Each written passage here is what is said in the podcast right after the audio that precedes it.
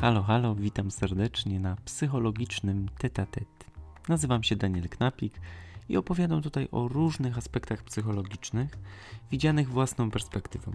Nie zabraknie tutaj momentów na refleksję, rozmów z innymi ludźmi, a także, mam nadzieję, zabawnych anegdotek. Cieszę się, że do mnie trafiłeś, bądź trafiłaś. Udanego odbioru. Okej, okay, witam Was wszystkich bardzo ciepło i bardzo serdecznie. Dzisiaj jest ze mną Dominika i Dominika z DD Bezpieczna Przystań. Młode, ambitne dziewczyny, które założyły swój własny biznes, o którym dzisiaj porozmawiamy.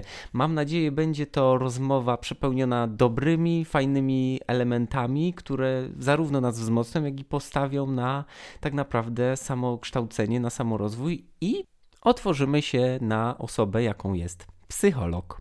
Dzień dobry. Dzień dobry. Tak więc zaczynamy. Pierwsze moje pytanie do Was, dziewczyny. Co Was skłoniło do tego, żeby założyć takie miejsce, jakim jest DD Bezpieczna Przystań? E, myślę, że przede wszystkim e, naszym takim celem e, w otwarciu naszego gabinetu była chęć niesienia dobra, taka własna koncepcja pracy z drugim człowiekiem na własnych zasadach, oparta przede wszystkim na pomocy. E, a przede wszystkim e, było to nasze marzenie, otwarcie takiej własnej przestrzeni, która będzie sprzyjała e, innym ludziom, w przestrzeni, w której inni będą czuli się bezpiecznie, dobrze i będą, będzie ta przestrzeń przede wszystkim sprzyjała rozwojowi zaufania pacjenta do terapeuty. Okej, okay, mówicie o czymś ważnym, bo tak naprawdę poczucie bezpieczeństwa w dzisiejszych czasach jest często bagatelizowane. Dostrzega się to bardzo często wśród młodzieży, w moim przypadku, gdzie rodzice nie są w stanie tego zaspokoić e, i fajnie, że jest to właśnie takim, waszą, takim waszym celem tak naprawdę i do tego też zmierzam. Jaka jest wasza misja? Jaka jest misja bezpiecznej przystani? Myślę, że taką podstawową naszą misją jest e, niesienie dobra e, i w naszej pracy na to kładziemy główny nacisk i na relacje e, klienta czy pacjenta z nami i na to, żeby czuł się w tym e, dobrze, bezpiecznie i żeby e, miał takie poczucie, że my tam właśnie jesteśmy po to, żeby go wesprzeć, pomóc i wytłumaczyć to, czego nie wie i wcale wiedzieć nie musi. Też Nawiązując do tego, właśnie w każdą pierwszą sobotę miesiąca prowadzimy bezpłatne e, konsultacje dla rodziców i osób dorosłych, e, no bo zdajemy sobie sprawę z tego, że mm, warunki również finansowe e, nie, każdego, nie każdemu pozwalają na to, żeby z płatnego wsparcia skorzystać, dlatego to jest też takie, taki nasz znak na to, że, że rozumiemy i że jesteśmy. Powiem Wam, że kiedyś miałem fundację i właśnie o tym, co Wy mówicie, że coś jest darmowe, że coś y, z czegoś można skorzystać, było czymś bardzo pożądanym.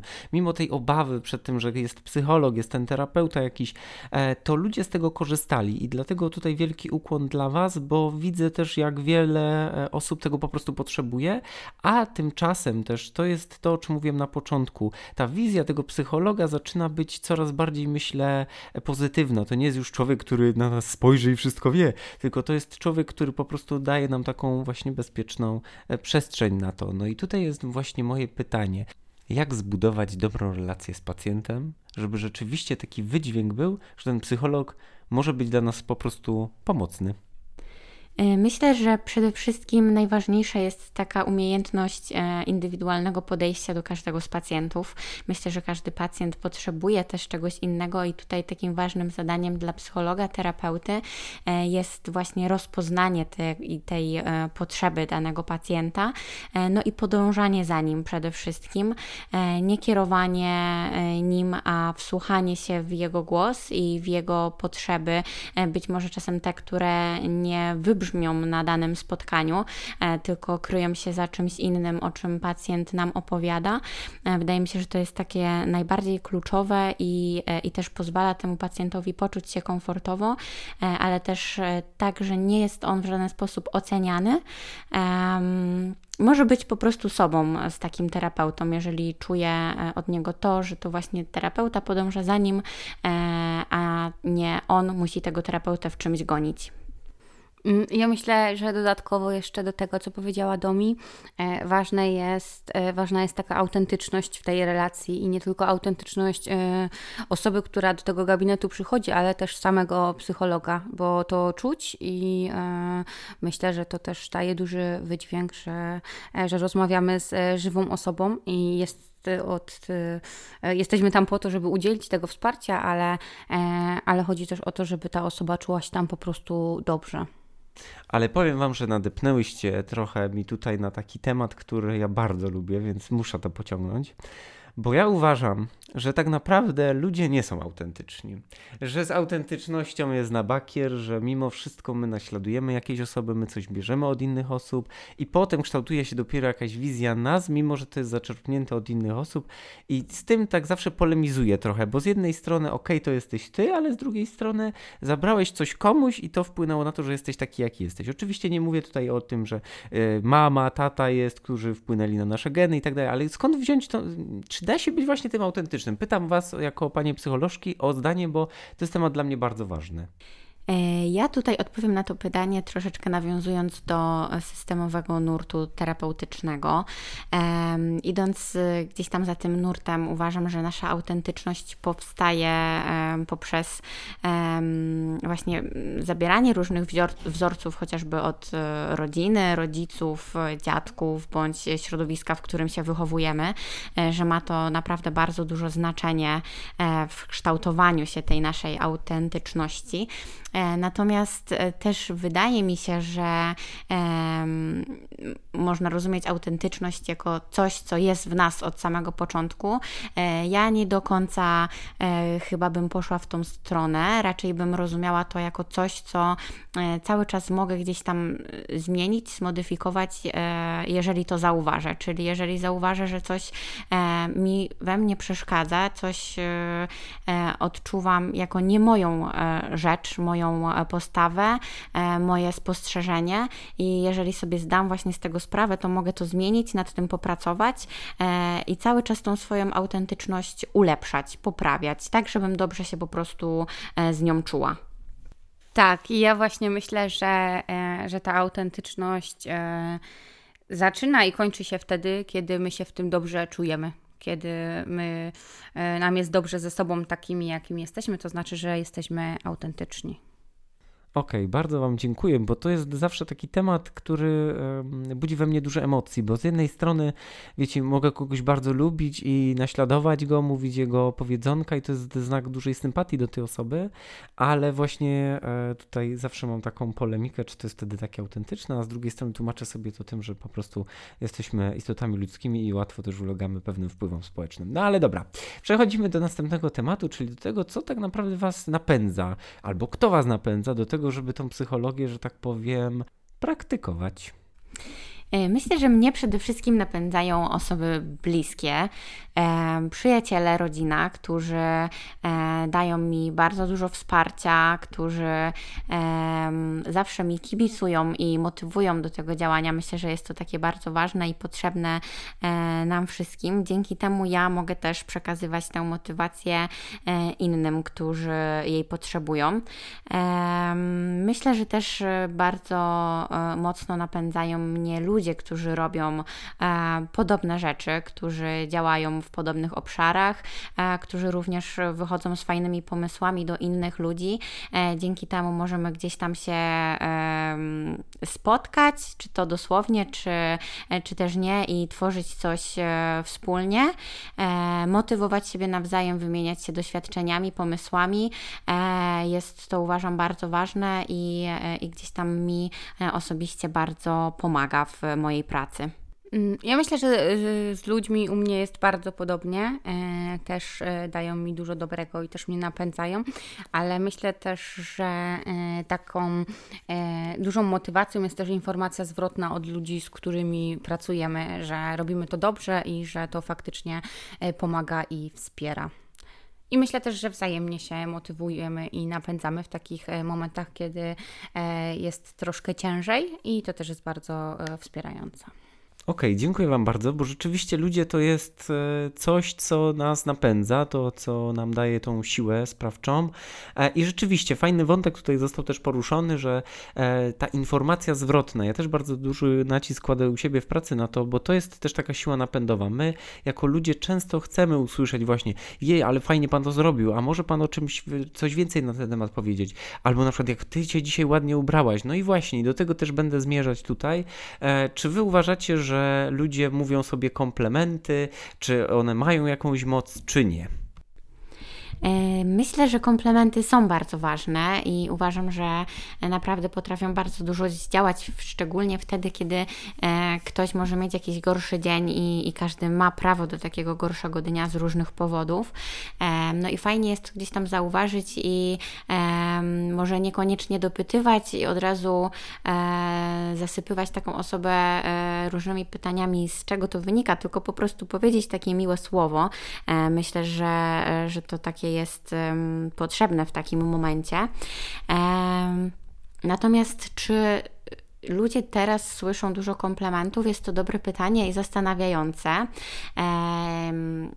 Z moich obserwacji wynika, że jest to temat trudny, szczególnie gdzieś tam dla dzieci, z którymi miałam okazję pracować w tym obszarze.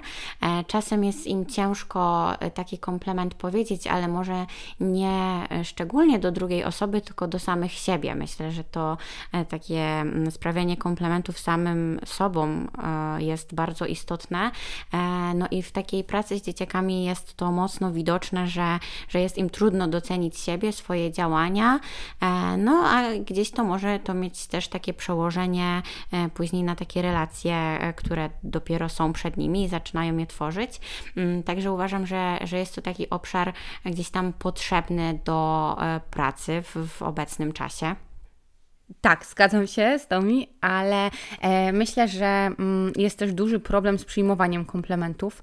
E, ja zauważam to też wśród dorosłych osób, bo zdarza mi się powiedzieć komplement obcym osobom e, i pierwsze co widać to e, takie zmieszanie że oni za bardzo e, czasami nie wiemy, jak mamy się zachować w takiej sytuacji i co mamy powiedzieć. I często jest tak, że ktoś na przykład zaprzecza, że nie, nie, ja wcale, e, wcale tak nie jest, albo e, ja wcale się tak nie czuję, prawda? Zamiast, e, zamiast po prostu to przyjąć i pomyśleć sobie, że to miłe, że ktoś tak uważa. I taką drugą moją myślą odnośnie komplementów jest to, że e, Najczęściej te komplementy słyszymy odnośnie wyglądu, a myślę, że e, ważniejsze jest, aby akcentować e, te cechy e, charakteru nasze, czy pracy, jaką robimy, czy, czy jaką wkładamy w coś. Tak, faktycznie tak jest, bo nawet chyba, jak dobrze doczytałem, macie skończone Kids i tam też jest na to bardzo duży kładziony nacisk, żeby po prostu wzmacniać dzieci poprzez e, pochwały, tak? poprzez mówienie faktów na temat tego, w jaki sposób dziecko funkcjonuje i to rzeczywiście się sprawdza nie tylko w stosunku do dzieci, ale również do dorosłych, więc jak najbardziej fajne to jest. Ja myślę, że tak jak powiedziałem wcześniej, lubimy słuchać miłych po prostu rzeczy na nasz temat, zwłaszcza jeżeli ktoś widzi więcej, tak, w naszym psychologicznym tetatet. A teraz przechodzę do następnego pytania. Kiedyś byłem na takim szkoleniu, gdzie pani bardzo fajnie powiedziała, mnie się to bardzo zdanie spodobało, że tak naprawdę to, co robimy, nie jest miarą tym, kim jesteśmy. Czyli jeżeli ja na przykład popełnię jakiś błąd, e, to, to nie znaczy, że jestem do kitu, tak? tylko że ja po prostu zdobywam doświadczenie. E, I tak samo e, myślę, powinniśmy myśleć w stosunku do codziennych czynności, że błąd jest elementem naszego funkcjonowania. No ale co wy jako ekspertki, bo ja jeszcze jako prepsycholog się wypowiadam, więc eksperci tutaj niech zabiorą głos w tej sprawie. E, wydaje mi się, że dość widoczna obecnie jest taka tendencja do e, zauważania bardziej tych negatywów niż pozytywów. E, wydaje mi się, że dotyczy to zarówno nas dorosłych, którzy pracują i również częściej słyszą od szefa chociażby te negatywne rzeczy niż te pozytywne. Myślę, że niewiele osób doświadcza w pracy czegoś takiego, że szef zaprasza na rozmowę tylko po to, żeby powiedzieć, że coś dobrze zrobiłeś, coś ci się udało, jestem z ciebie dumny. E, myślę, że jak dostajemy taki komunikat, że szef cię wzywa, to od razu idziemy z takim nastawieniem, że, e, że na pewno coś e, zawaliłem, zawaliłam i, e, i będzie to jakiś negatywny komentarz. E, myślę, że też dość widoczne jest to wśród dzieci. Też jednak częściej są zauważane ich jakieś potknięcia, jakieś błędy, błędy, a rzadko gdzieś tam docenia się mm, w tym błędzie e, coś dobrego, coś pozytywnego, co jednak e, jest, e, no i rzadko się to wyciąga. Raczej skupiamy się wtedy na tym, co jest złe i może niekoniecznie skupiamy się na tym z jakimś złym zamiarem, tylko po prostu wydaje nam się, że kiedy wytkniemy ten błąd, to będzie on szybciej naprawiony, poprawiony, no a jednak w praktyce później okazuje się, że nie do końca tak to działa i bardzo mocno się zniechęcamy do tej pracy. Myślę, że gdybyśmy e, troszeczkę e, bardziej otworzyli się na docenianie tych takich drobnostek w naszych tych codziennych sprawach, które gdzieś tam nam nie wychodzą, to byłoby łatwiej zauważyć, że nie wyszła nam właśnie jakaś jedna rzecz, a nie, że to my jesteśmy źli w tym, co robimy. Faktycznie, faktycznie tak bardzo rzadko się zdarza, e, więc mam nadzieję, że to się zmieni. Może już po wysłuchaniu tego odcinka będziemy bardziej zwracali uwagę na to, żeby skupiać się na takich drobnostkach. Nawet e, dziecko, które przyniesie jedynkę, dobrze zapewne odpowiedziało na jedno albo dwa pytania. To też jest warte tego, żeby zwrócić uwagę, że fajnie, że przynajmniej to wiedziałeś. Fajnie, że no, udało ci się po prostu też wiedzieć na to, na to pytanie odpowiedź.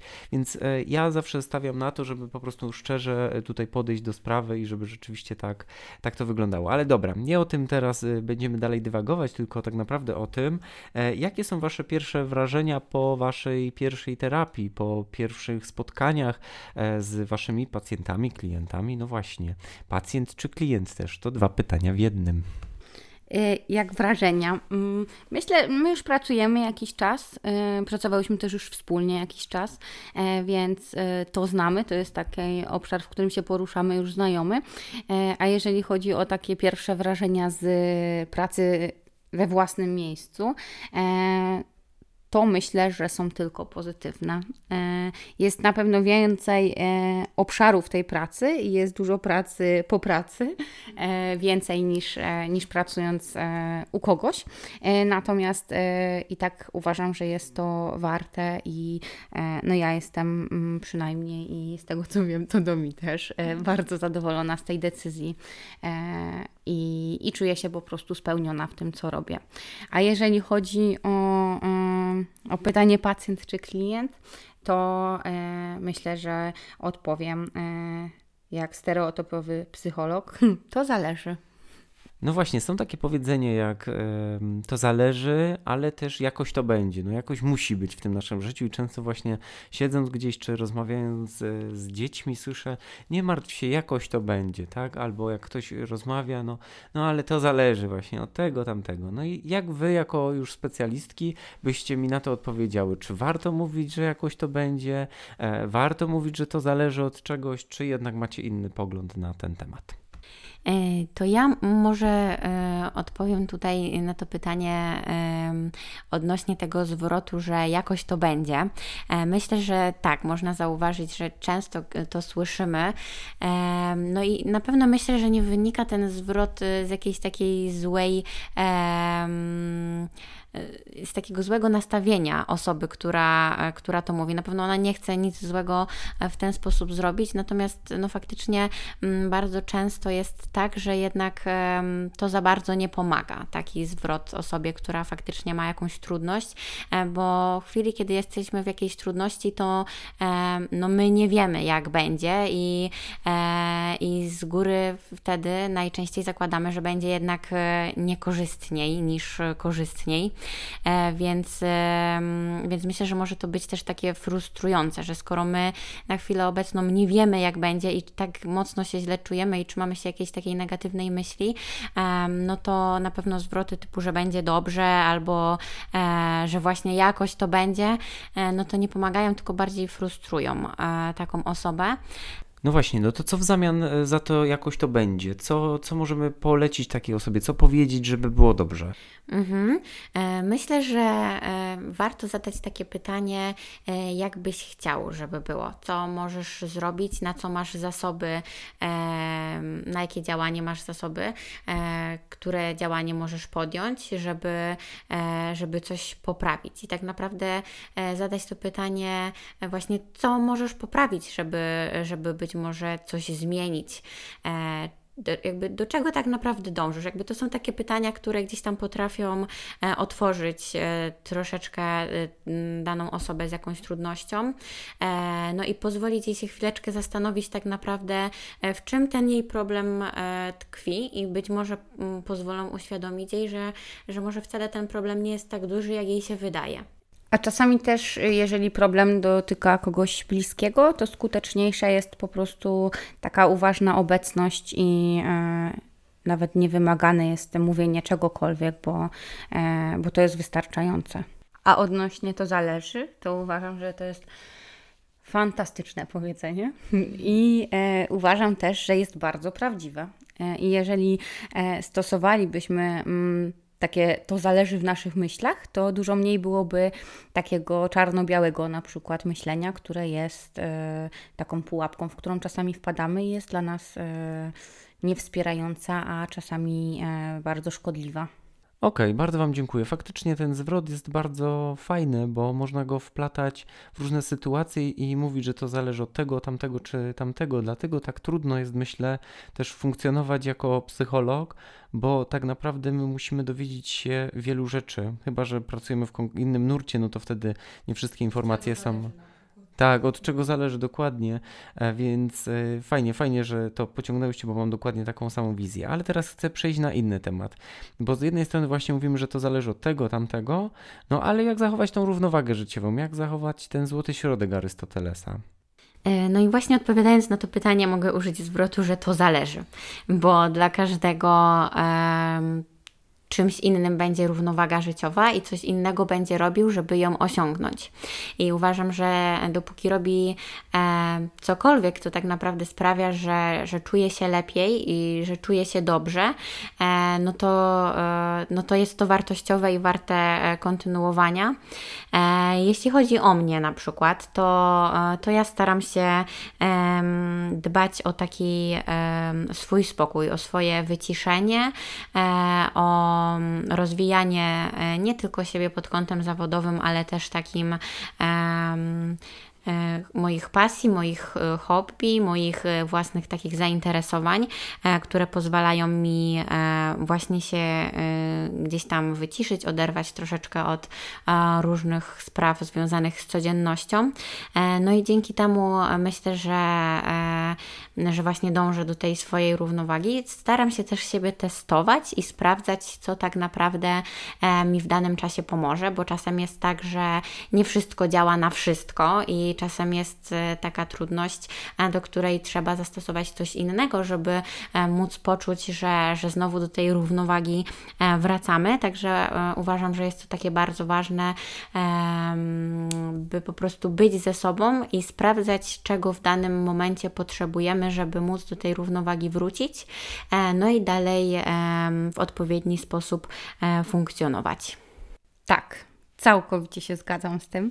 E, byłyśmy też e, wczoraj właśnie na szkoleniu odnośnie samoregulacji e, i tam ta samoregulacja była przedstawiona właśnie w kontekście też równowagi i z tym też się w pełni zgadzam.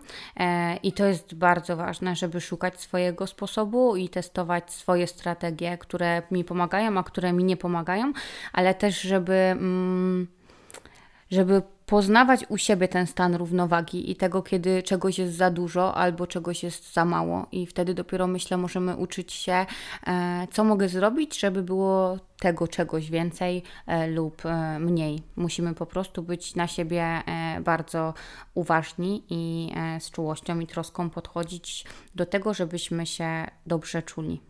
E, tak, zgadzam się tutaj e, z Domi jak najbardziej i e, też tak mi się pojawiła taka myśl, że właśnie bardzo często dajemy tą uważność innym, dzieciom, rodzicom, swojej pracy, znajomym i bardzo często gdzieś tam w tym wszystkim zatracamy tą uważność dla samych siebie, która jest bardzo ważna, ponieważ później w naszych zadaniach, w obowiązkach, które realizujemy, możemy gdzieś tam dostrzec taki spadek naszej efektywności, która właśnie może być związana z takim e, przeciążeniem, e, no i brakiem e, tej równowagi w nas samych. No właśnie, wiele racji jest w tym, o czym mówicie, bo życie tak naprawdę jest piękne, tylko my ludzie często sobie je komplikujemy. No i właśnie, jak to jest? Bo czasami jest tak, że przychodzi jakiś znajomy i mówi: Je, ty masz się tak dobrze, ty masz dom, tam dzieci, wszyscy cię kochają, wszyscy cię lubią, ale tak naprawdę widzą tylko tak naprawdę wierzchołek góry lodowej, nie widzą tego, co jest pod spodem. No i właśnie, teraz pytanie dotyczące właśnie tej góry lodowej. E, jak to jest? Jak to jest, że ludzie właśnie e, często mówią tylko o tym, co jest super, a mają taką trudność z mówieniem z tym, co jest takim być może dla nich zagrożeniem, być może obawą, być może niechęcią do tego, żeby się podzielić. Jak wy to odbieracie? Jak z tą górą lodową jest faktycznie? E, czy tak jest, jak ja mówię? Czy może macie inne doświadczenia? Czy w ogóle jeszcze inaczej rozumiecie tę pojęcie tej góry lodowej? Także ciekaw jestem waszej opinii. Ja nie do końca się z tym zgodzę e, w rozumieniu e, pojęcia góry lodowej jako człowieka. E, to znaczy, zgodzę się z pierwszą częścią, że faktycznie widzimy już jakiś rezultat, czy to, co jest na wierzchu, ale nie do końca zgodzę się z tym, że ludzie mówią tylko o tych dobrych rzeczach, bo, bo myślę, że takim wyuczonym sposobem jest też mówienie o tych niekoniecznie dobrych, ale może nie e, w takim kontekście trudności psychicznych na przykład, ale w takim kontekście, że wszystko jest na nie, że za mało zarabiam, że mm, skłócę się w domu z kimś albo e, generalnie coś mi się nie podoba. E, to o takich rzeczach ja odnoszę wrażenie, że ludzie mówią dosyć często. Co więcej, myślę, że łatwiej zyskują sympatię, jeżeli mówią o tych złych rzeczach że czasami e, trudniej nawet jest nam mm, powiedzieć na przykład, że jestem z siebie dumna, że z tym sobie poradziłam, e, w obawie właśnie przed tym, że zostanie to e, odebrane jako mm, przechwalanie się, czy, e, czy zbyt duża e, pewność siebie na przykład. To myślę, ja zauważam tą obawę i myślę, że, e, że czasami Właśnie, że problemy, problemów czasami nie ma, ale że sami je sobie e, robimy i to w jaki sposób e, o nich myślimy sprawia, że w naszej głowie one narastają mm, do ogromnej e, skali, a tak naprawdę mm, nie do końca tak jest, bo jeżeli zamiast szukać kolejnych powodów na to, że jest źle, zastanowilibyśmy się, co ja mogę zrobić, żeby było lepiej, mm, to byłoby nam łatwiej sobie z tym poradzić. E, tak, ja zgadzam się z Domi tutaj w 100% z tym, co powiedziała. E, ja też myślę sobie, że mm, może e, nie człowiek jest taką górą lodową, tylko właśnie on ją sobie tworzy i później głowi się nad tym, w jaki sposób ją obejść albo się z nią nie zderzyć. No i czasem okazuje się, że jest to zbędne i, no i niepotrzebne takie doświadczenie. Dziękuję Wam bardzo za Waszą opinię. To jest zawsze takie cenne, żeby wymieniać się też tymi doświadczeniami, żeby o nich mówić. Ale właśnie, jeszcze tutaj teraz zahaczę o ten wątek, który teraz przyszedł mi do głowy, że my często się też porównujemy do innych. I czy powinniśmy to robić? Czy to jest wskazane, czy raczej nie, jeżeli już mówimy właśnie o kontekście takim bardziej czynnikowym ludzkim? Ja myślę, że w takim kontekście ludzkim to jest to nieuniknione, e, ale tutaj znowu e, uważam, że najważniejsze jest to, żebyśmy wsłuchali się, czy mi to służy, bo mogę porównywać się e, na przykład do mojego autorytetu z branży psychologii na przykład i będzie mi to służyło, bo będzie mnie to motywowało i będę mogła na przykład u niej czy u niego znaleźć jakieś wartościowe treści, które zainspirują mnie na przykład do dalszego rozwoju.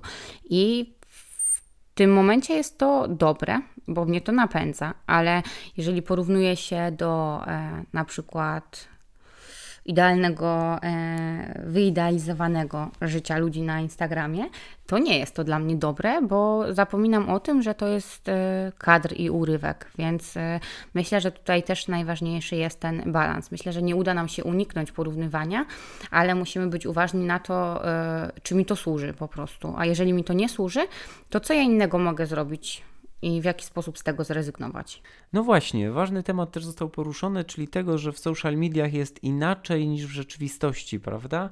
No i właśnie, czy wy uważacie, że warto coś dodawać na social media, żeby się dzielić e, z tym naszym życiem, bo jak tak obserwuję życie celebrytów, no to mamy takie, no jest kilka tych skrajności, ale takie dwie, które mi się najbardziej e, pojawiają, to takie, że ja już jestem osobą e, znaną, pojawia się takie stwierdzenie, więc ja już tym życiem prywatnym nie chcę się dzielić, bo chcę mieć czas dla siebie. I są tacy, którzy mówią, no ja to robię, żeby dalej być e, na topie, na fali. Więc jak wy to e, oceniacie? Czy ludzie właśnie robią to tylko na pokaz, czy, czy nie ma tej prywatności już w dzisiejszych czasach? Jak to oceniacie? Ja myślę, że w dzisiejszych czasach um, pokazywanie różnych rzeczy w, e, na różnych portalach w ogóle pracy takiej medialnej e, to no właśnie, to właśnie to teraz już stało się e, pracą, czymś z czego jakby ludzie czerpią też korzyści materialne i wydaje mi się, że można to traktować już jako zawód, a jeżeli traktujemy to jako pracę, to E, musimy pewne rzeczy wykonywać, pewne rzeczy tam publikować, więc ciężko tak jednoznacznie na to pytanie odpowiedzieć, bo e, jeżeli ktoś e, chce coś e, udostępniać, to po prostu to robi i w jakiś sposób się dzieli swoimi osiągnięciami bądź porażkami, bo z różnymi postami, zdjęciami możemy się spotkać. Natomiast no, czasem jest tak, że musimy coś jakby tam opublikować, żeby móc zarobić po prostu, bo się tym zajmujemy i wydaje mi się, że jest to taki nieodłączny element naszych czasów, że e, to bycie e, osobą medialną e, no, stało się czymś pożądanym, szczególnie wśród młodzieży. No dlatego pewne treści są właśnie takie wyidealizowane po to, żeby odbiorca mm, chciał je cały czas oglądać, żeby on po prostu cały czas był tym klientem, tym odbiorcą, który w tym będzie i będzie z tego korzystał. Tak, i to ważne, żebyśmy też pamiętali właśnie, że to my wybieramy, co obserwujemy i co śledzimy, i żebyśmy e, sprawdzali, co nam służy z tych treści i które wpływają na nas dobrze, a które mm, nie. E, tak, i jeszcze e, Ty też zapytałeś e, nas o to, czy warto udostępniać jakieś swoje przemyślenia, jakieś swoje aspekty takie życiowe.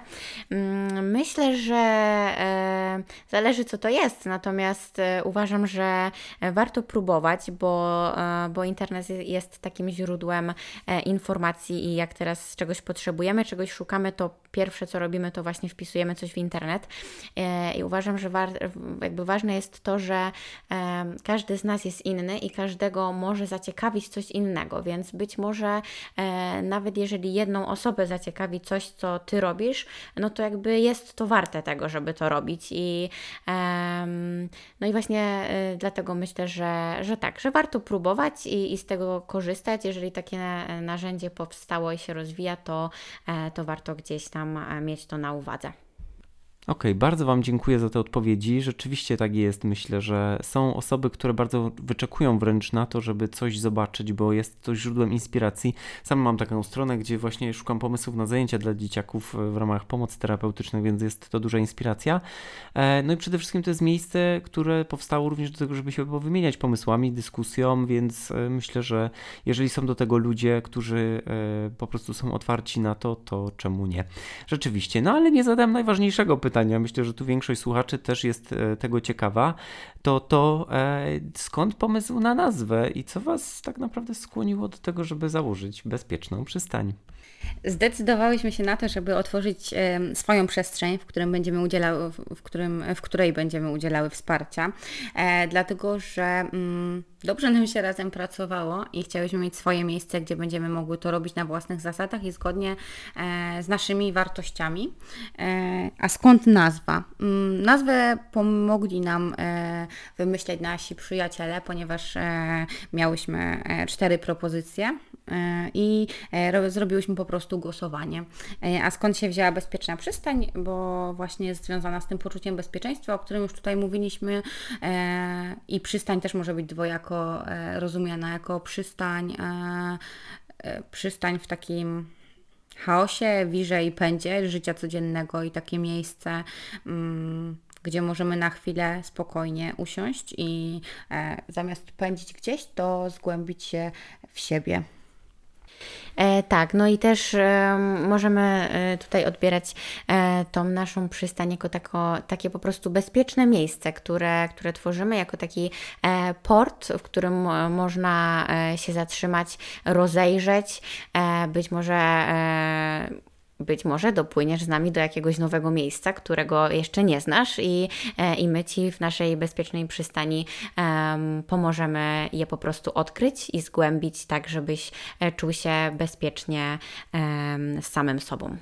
Bardzo Wam dziękuję. To było takie bardzo inspirujące, jak tu powiedzieliśmy, poza kulisami poetyckie, więc e, jeszcze raz Wam bardzo dziękuję. Ja myślę, że coś takiego, jak ta forma, jaką jest podcast, jest zdecydowanie czymś lepszym niż e, spot reklamujący Was jako osoby, ponieważ słuchacze mogli obeznać się z Waszymi poglądami, z Waszymi e, uwagami, spostrzeżeniami, które myślę, że są bardzo ok i pozwolą właśnie być w bezpiecznej przystani. Więc tym samym kończymy ten odcinek. Bardzo Wam dziewczyny dziewczyny, dziękuję. E, bardzo dziękuję też za to spotkanie. Myślę, że było, one, e, było ono e, dla nas również bardzo wartościowe. I ja również bardzo dziękuję. Także nie przedłużając, zapraszam Was do bezpiecznej przystani i do usłyszenia za dwa tygodnie w psychologicznym tete-tet, bo pamiętajcie, z psychologicznym tete-tet widzicie więcej.